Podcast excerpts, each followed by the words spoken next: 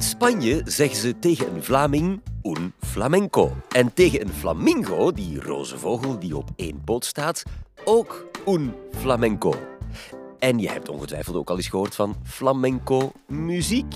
Zou dat allemaal met elkaar te maken hebben, Vlamingen, flamingo's en flamenco?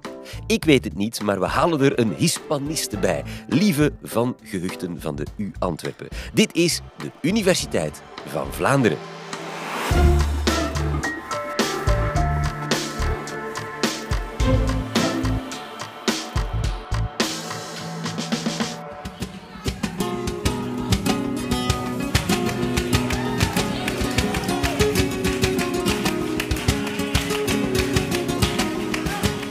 Professor van Gehuchten, ik had die link eigenlijk nog niet gelegd tussen flamingo's en flamenco en dan Vlamingen. Het is een serieuze bocht. Hè. Hoe ben je er toe gekomen om, om eh, die naast elkaar te leggen?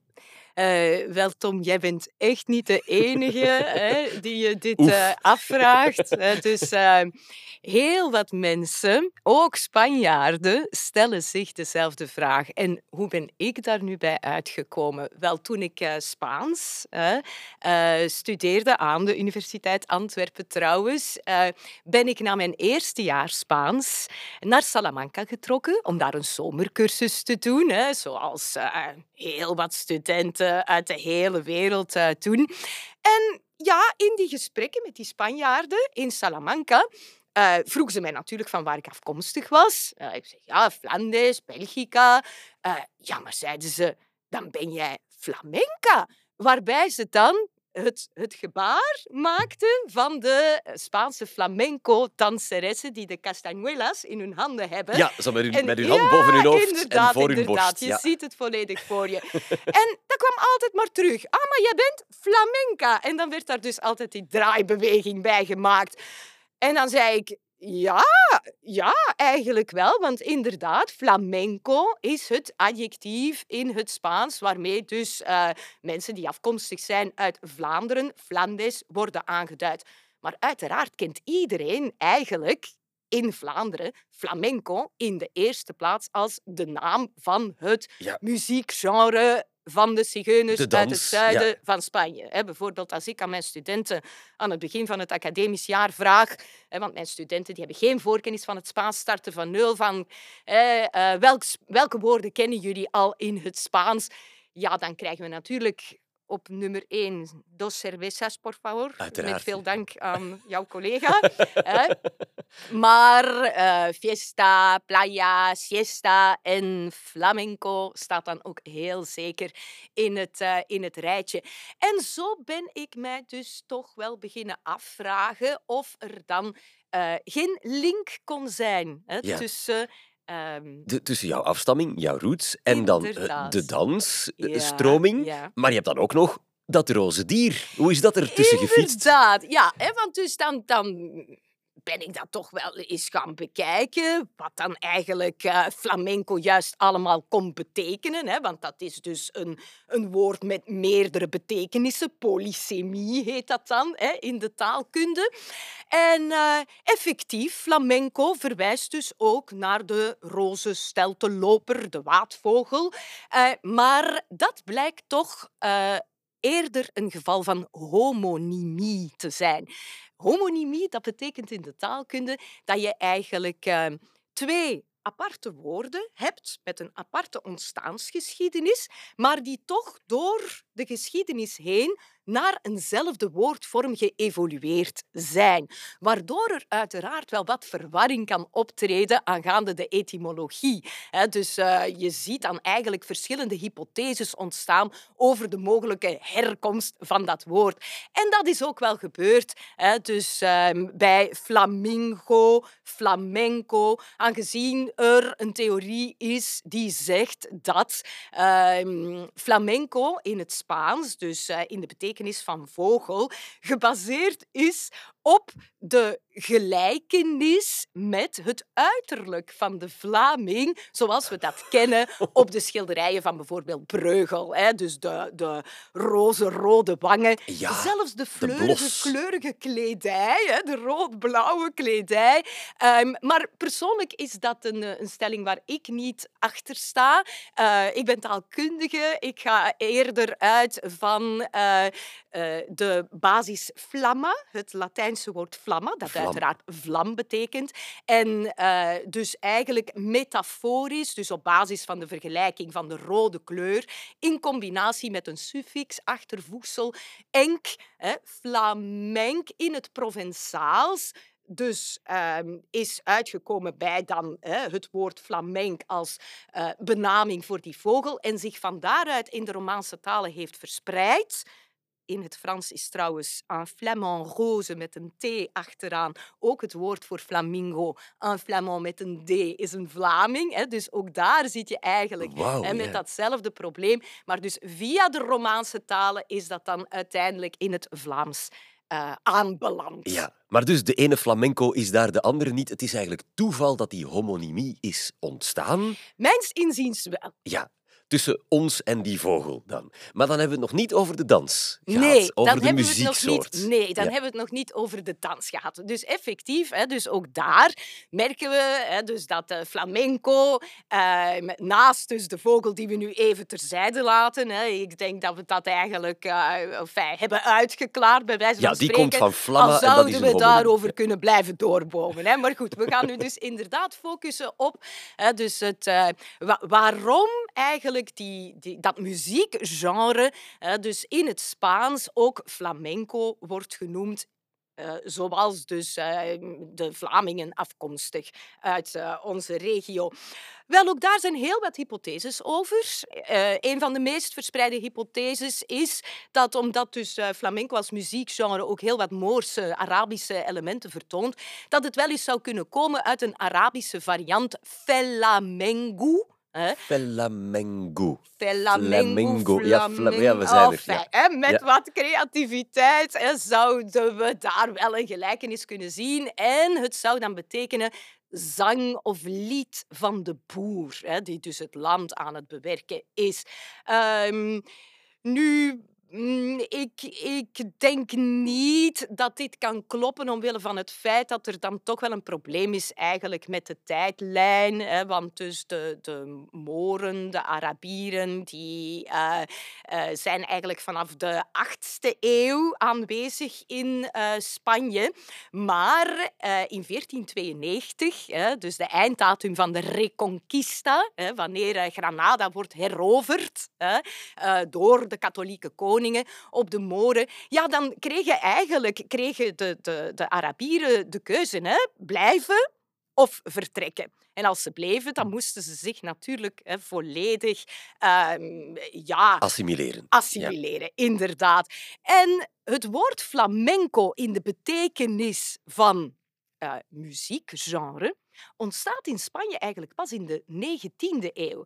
Dus daar zit dan toch eigenlijk echt wel een heel groot gat in de tijdlijn. Ja, het, het zou toch echt wel verbazingwekkend zijn dat dus dat woord eigenlijk eh, gedurende verschillende eeuwen onder de radar verdwijnt en dan plotsklaps terug opduikt in de 19e eeuw. Er moet iets zijn dat toch wel tot in de 19e eeuw blijft bestaan en dan uiteindelijk aanleiding geeft tot dus ja, het woord flamenco. Maar als, als, we, als we nu niet uitgaan van een langdurige Moorse underground die dat levend heeft gehouden, wat zou het dan wel kunnen zijn? En, en, en, is er een link met ons, Vlamingen? Ja, dus ehm, ik denk dat een verklaring te vinden is in de gemeenschappelijke geschiedenis tussen Vlamingen en Spanjaarden. Hè? Want eh, ik denk dat we dat lange tijd eh, vergeten zijn. Ehm, maar eh, ons geheugen is nu recent opgefrist dankzij het verhaal van Vlaanderen. Die Tom Ehm, Waas die zit toch overal tussen? ja? Overal, overal. Ja, Ja. inderdaad. Ehm, en eh, Vlaanderen en Spanje die hebben tijdens de 16e en de 17e eeuw hè, eh, heel wat gemeenschappelijk. Vlaanderen staat dan onder heerschappij van Spanje, hè, tot aan de Vrede van Münster in 1548. Ehm, nu, in onze kontrijen was de Spanjaard niet heel populair. Ehm, wie het Spaanse spook Suske en Wiske heeft gelezen, die weet dat nog. Er werd eh, heel lang in de Vlaamse schoolboeken gesproken over de Leyenda Negra, de zwarte uh, legende, de hertog van, van Alba, de bloedhond van de Inquisitie, de peul van de Nederlanden.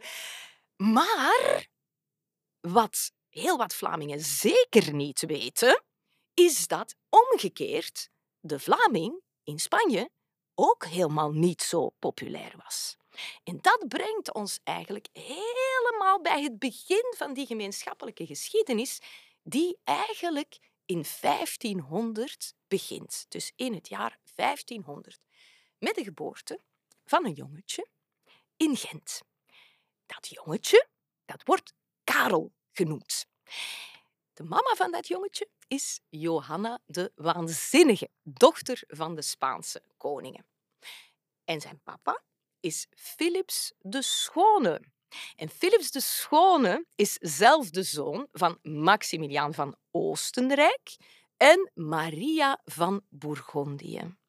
Dus dat jongetje Karel hè, erft niet alleen hè, het hertogdom Bourgondië via zijn oma, maar ook het Heilige Roomse Rijk via zijn opa. En hij wordt zomaar eventjes koning van Spanje via zijn grootouders, de katholieke koningen van Spanje. Wat een stamboom. Wat een stamboom, inderdaad. Hij wordt koning van Spanje in het jaar 1517, dus op 17-jarige leeftijd. Op dat moment heeft hij nog geen voet in Spanje gezet. Hij spreekt ook helemaal geen Spaans, want hij is opgevoed aan het hof van zijn tante in Mechelen, Margaretha van Oostenrijk. Hij trekt dus naar Spanje met in zijn kielzog Vlaamse hoflieden. Nu, die Vlaamse hoflieden zijn Bourgondiërs in de ware zin van het woord, hè, zoals wij uh, dat nog altijd kennen. Dus heel veel eten, heel veel drinken, heel veel lachen, heel veel brallen, heel veel geld verbrassen. Nu, je kan je voorstellen dat dat volledig indruist tegen de strenge katholieke leer die op dat moment, de inquisitie niet waar, heerst aan het Spaanse hof. Dus die flamenco's, die bouwen daar een zeer slechte reputatie op. En het woord flamenco geraakt op dat moment eigenlijk al verspreid over heel Spanje met een zeer negatieve reputatie. En dat blijft zo'n hele tijd doorgaan. Tot in de helft van de 19e eeuw, heb ik gelezen, uh, bleef er in Cadiz, helemaal in het zuiden van Spanje, een uh, straat bestaan genaamd het Steegje van de Dronken Vlamingen. Callejón de los Flamencos Borrachos. Om je dus maar te zeggen dat uh, Vlamingen niet goed werden gepercipieerd op dat moment in de Spaanse maatschappij. Wij hadden daar de reputatie die uh, jongeren die uitgaan in Ibiza vandaag uh, in onze cultuur hebben. Nogal luidruchtig, ja. Effectief, de, effectief. De flamenco's. Um, iedereen, iedereen roddelde over de flamenco's. Er werden donkere steegjes naar ons vernoemd. we hingen een klein beetje het zwijn uit aan het hof. Maar hoe komen we dan uit met die Bourgondische levensstijl en zo bij die dans, bij, bij die muziekstijl, de flamenco? Goeie vraag, hè? die heb ik mij ook gesteld. En ik denk dat we daarvoor een verklaring vinden wat verderop in de geschiedenis, namelijk in de 18e eeuw. En dan komen we uit bij Karel III van Spanje. Nu, voor de aandachtige luisteraar, die zal zich afvragen, hoezo Karel III? He? Want Karel van Spanje is toch Karel de Vijfde? Wij zeggen altijd keizer Karel is Karel de Vijfde. Dat is ook zo wanneer we het hebben over het Heilig Roomse Rijk. Maar in Spanje was hij Karel de Eerste. En dus in de 18e eeuw krijg je een koning in Spanje die ook Karel heet, maar dat is dan dus op dat moment Karel III. Nu, op dat moment staan de zuidelijke Nederlanden opnieuw onder Oostenrijks bewind. Dus met de vrede van Münster is er een einde gekomen aan de Spaanse heerschappij. Maar er zijn nog altijd wel goede contacten. De vrouw van Karel III is half Oostenrijkse. En dus Karel III die wil iets doen aan de uh, desolate lege gebieden in het zuiden van Spanje, die volgens hem dringend bevolkt en bewerkt moeten worden. En dus hij sluit een deal om gastarbeiders te laten overkomen uit Vlaanderen. dat komt niet helemaal overeen met het Vlaanderen van nu. Daar zitten ook een beetje Duitsers bij en, en ook wel wat Walen bij. Maar dus een heel clubje uit wat dan dus de zuidelijke Nederlanden zijn, worden naar die ontvolkte gebieden gestuurd in het zuiden van Spanje. Je kan je voorstellen dat er natuurlijk de mensen zijn zonder kind nog kraai, de fortuinzoekers, misschien ook wel wat de klaplopers. Ik heb ook gelezen dat daar ex-gedetineerden bij zitten. Niet meteen de fine fleur hè, van de Vlaamse samenleving. En die komen daar samen met de zigeuners, die eveneens op verordening van Karel III die ontvolkte desolate gebieden moeten gaan bevolken. Want wat is eigenlijk het verhaal van de zigeuners in Spanje? Die zijn daar aangekomen begin 15e eeuw. En die hebben het daar aanvankelijk heel erg naar hun zin, want die worden daar met rust gelaten, krijgen vrijgeleiden om door het hele land te trekken en worden zelfs, het woordje gitano in het Spaans, betekent afkomstig uit Egypte. Dus wel een foute etymologie, maar dus men dacht dat ze uit Egypte kwamen. En die worden daar een beetje als Egyptische koningen verwelkomd. Dus aanvankelijk aan het begin van de 15e eeuw wordt daar quasi de rode loper voor uitgerold. Maar dat blijft niet duren.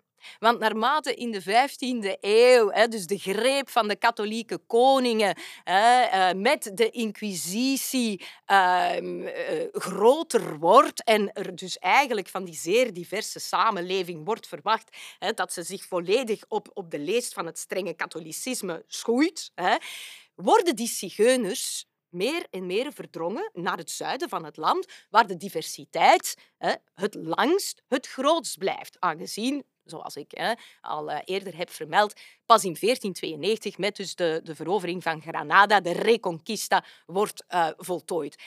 Dus die zigeuners, hè, die, die zaten al voornamelijk in het zuiden en die worden dus in de 18e eeuw op verordening van Karel III ook naar die desolate gebieden gestuurd, waar dus ook die Vlamingen ondertussen zijn aangekomen.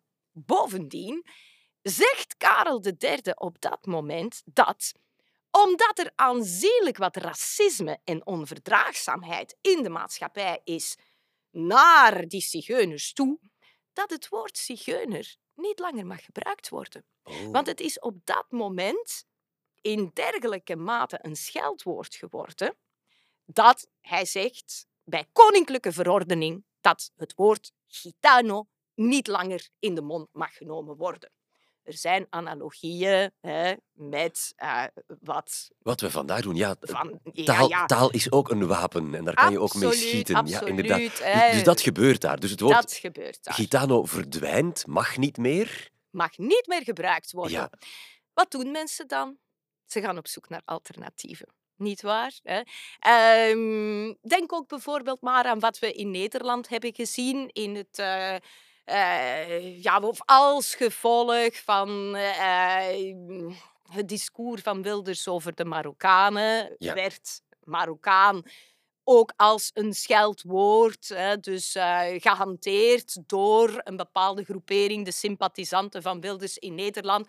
Die gingen dan maar een, uh, een ander woord gebruiken, Finnen. Hè? Dus ja, uh, je, je vindt, je vindt het gebruik van Fin op het internet met de betekenis van Marokkaan. En wat zien we daar? Ja, als we natuurlijk denken aan een Fin, blond, blauw ogen, dat is natuurlijk helemaal het tegenovergestelde van wat we ons voorstellen bij hoe iemand van Marokkaanse origine eruit ziet. Wel hetzelfde is gebeurd in de 18e eeuw. Dus de Spanjaarden die zeiden, kijk, die gitanos, die zitten daar samen met die flamenco's. Gitano mogen we niet meer gebruiken, maar dat is toch allemaal hetzelfde stelletje klaplopers. Ze drinken, ze maken lawaai op hun gitaar. Ze zien er niet uit of ze nu blond zijn met blauwe ogen of donkerharig met bruine ogen. weet je wat, we noemen die gewoon flamenco's. En dan weet iedereen dat we het hebben over dat stelletje klaplopers dat daar weggestoken zit in die desolate gebieden. En dan, en dan kunnen we verklaren, ook weer aan de hand eigenlijk van um, wat in de taalkunde dan een metonymie heet en een mechanisme is van betekenisuitbreiding op basis van contiguïteit, dat betekent nabijheid, hè, kunnen we dus verklaren dat het woord flamenco ook hè, wordt gebruikt voor de muziek die door die zigeuners wordt gemaakt. Want je zegt natuurlijk, ja kijk, daar heb je die zigeuner, die wij dus vanaf nu flamenco noemen, met zijn muziek, zijn flamenco-muziek. Flamenco. Tengo los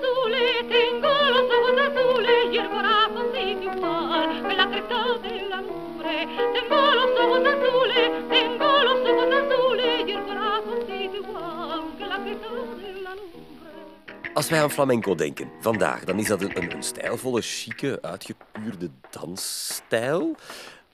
Was dat toen ook al? Dat associeer ik nu niet meteen met de, de wilde flamenco's waar jij het dan over hebt. Is die muziek ook geëvolueerd? Uiteraard. Uiteraard. Hè. Dus uh, ook dat is natuurlijk... Eigenlijk is dat nog het laatste stukje van de puzzel hè, dat ontbreekt. Hè. Dus het is heel terecht dat je die, dat je die vraag stelt. Hè. Want dus hoe komen we dan eigenlijk van dus een, een associatie met toch eerder uh, een geleding uit de onderbuik van de, van de samenleving tot die, die fantastische uh, muziek, zang en dans, zoals die nu in de hele wereld gekend is?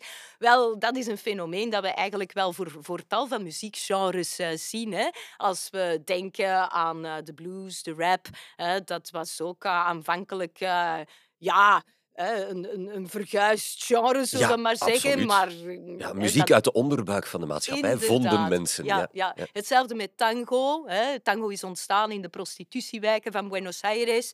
Uh, salsa. Hè. Iedereen kent wel de film Dirty Dancing. Uh, ja, op die manier hè, geraakt eigenlijk uh, dus een, een een nieuwe kunstvorm die aanvankelijk met een scheef oog uh, bekeken wordt, uh, dan toch ingeburgerd en, en, en uh, ja, wordt, wordt op een bepaald moment zelfs door, door een maatschappij helemaal toegeëigend. En dat is dus ook wat met flamenco gebeurd is. Hè. Dus um, je ziet eigenlijk dat in de 19e eeuw een deel van de samenleving zich echt gaat spiegelen aan dat geromantiseerde ideaal van de trotse gitano-man, de trotse gitana-vrouw. Ze gaan zich er zelfs naar kleden. Ze omgorden hè, uh, zich met een mes, dat trouwens ook een flamenco-mes wordt genoemd. Want, eh, ook weer een, een, een, kleine verwijzing naar de geschiedenis, uh, wij Vlamingen uh, waren ook goede messenmakers. En wij hebben dus in onze gemeenschappelijke periode ook heel wat messen geëxporteerd. En dus die, die zigeuner, die droeg ook een flamenco mes. Dus je krijgt eigenlijk tal van verwijzingen die die metonymisering, hè, waar ik het daarnet over had, mee in de hand hebben gewerkt. En dus op die manier geraakt in de 19e eeuw flamenco als term voor die dans, muziek, zang uit het zuiden van Spanje, met tal van andere invloeden uit de Moorse muziek, de Byzantijns-liturgische muziek, de Joodse muziek, helemaal ingeburgerd in de maatschappij. Tot in de 20e eeuw. Want bijvoorbeeld Lorca, Federico García Lorca, de, de overbekende uh, Spaanse dichter, schrijver, die heeft uh, een hele dichtbundel aan de zigeuner, aan de figuur van de zigeuner gewijd, de romancero gitano. En Lorca heeft ook aan het begin van de 20e eeuw, samen met Manuel de Falla, een heel bekend Spaans componist uit die tijd, een ehm, flamenco-festival georganiseerd. Festival de Cantejondo in het zuiden van Spanje. En uh, ja, zo, zo blijft die flamenco maar verder leven. Hè. Rosalia, hè, heel populair op dit moment, uh, die steekt ook heel wat nieuw flamenco-elementen in haar muziek. En uh, ja, ik denk dat wij Vlamingen daar toch ook enige verdiensten aan hebben gehad.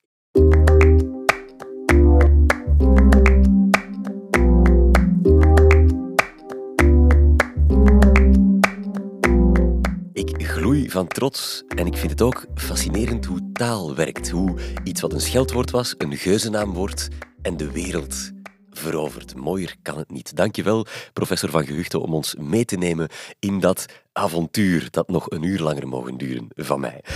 En nu weten we ook waarom wij onze heupen soms niet kunnen stilhouden op een goede streep muziek. Het zit gewoon in ons DNA, dames en heren. Als je ook zin hebt gekregen om je helemaal onder te dompelen in die Vlaams-Spaanse geschiedenis, één tip, pak er een pintje bij. Want dan zou je plots wel eens veel vlotter Spaans kunnen spreken. Hoe dat precies zit, hoor je van neurolinguist Stefanie Keulen in aflevering 459 van deze podcast. Heel graag tot daar of tot een volgende keer.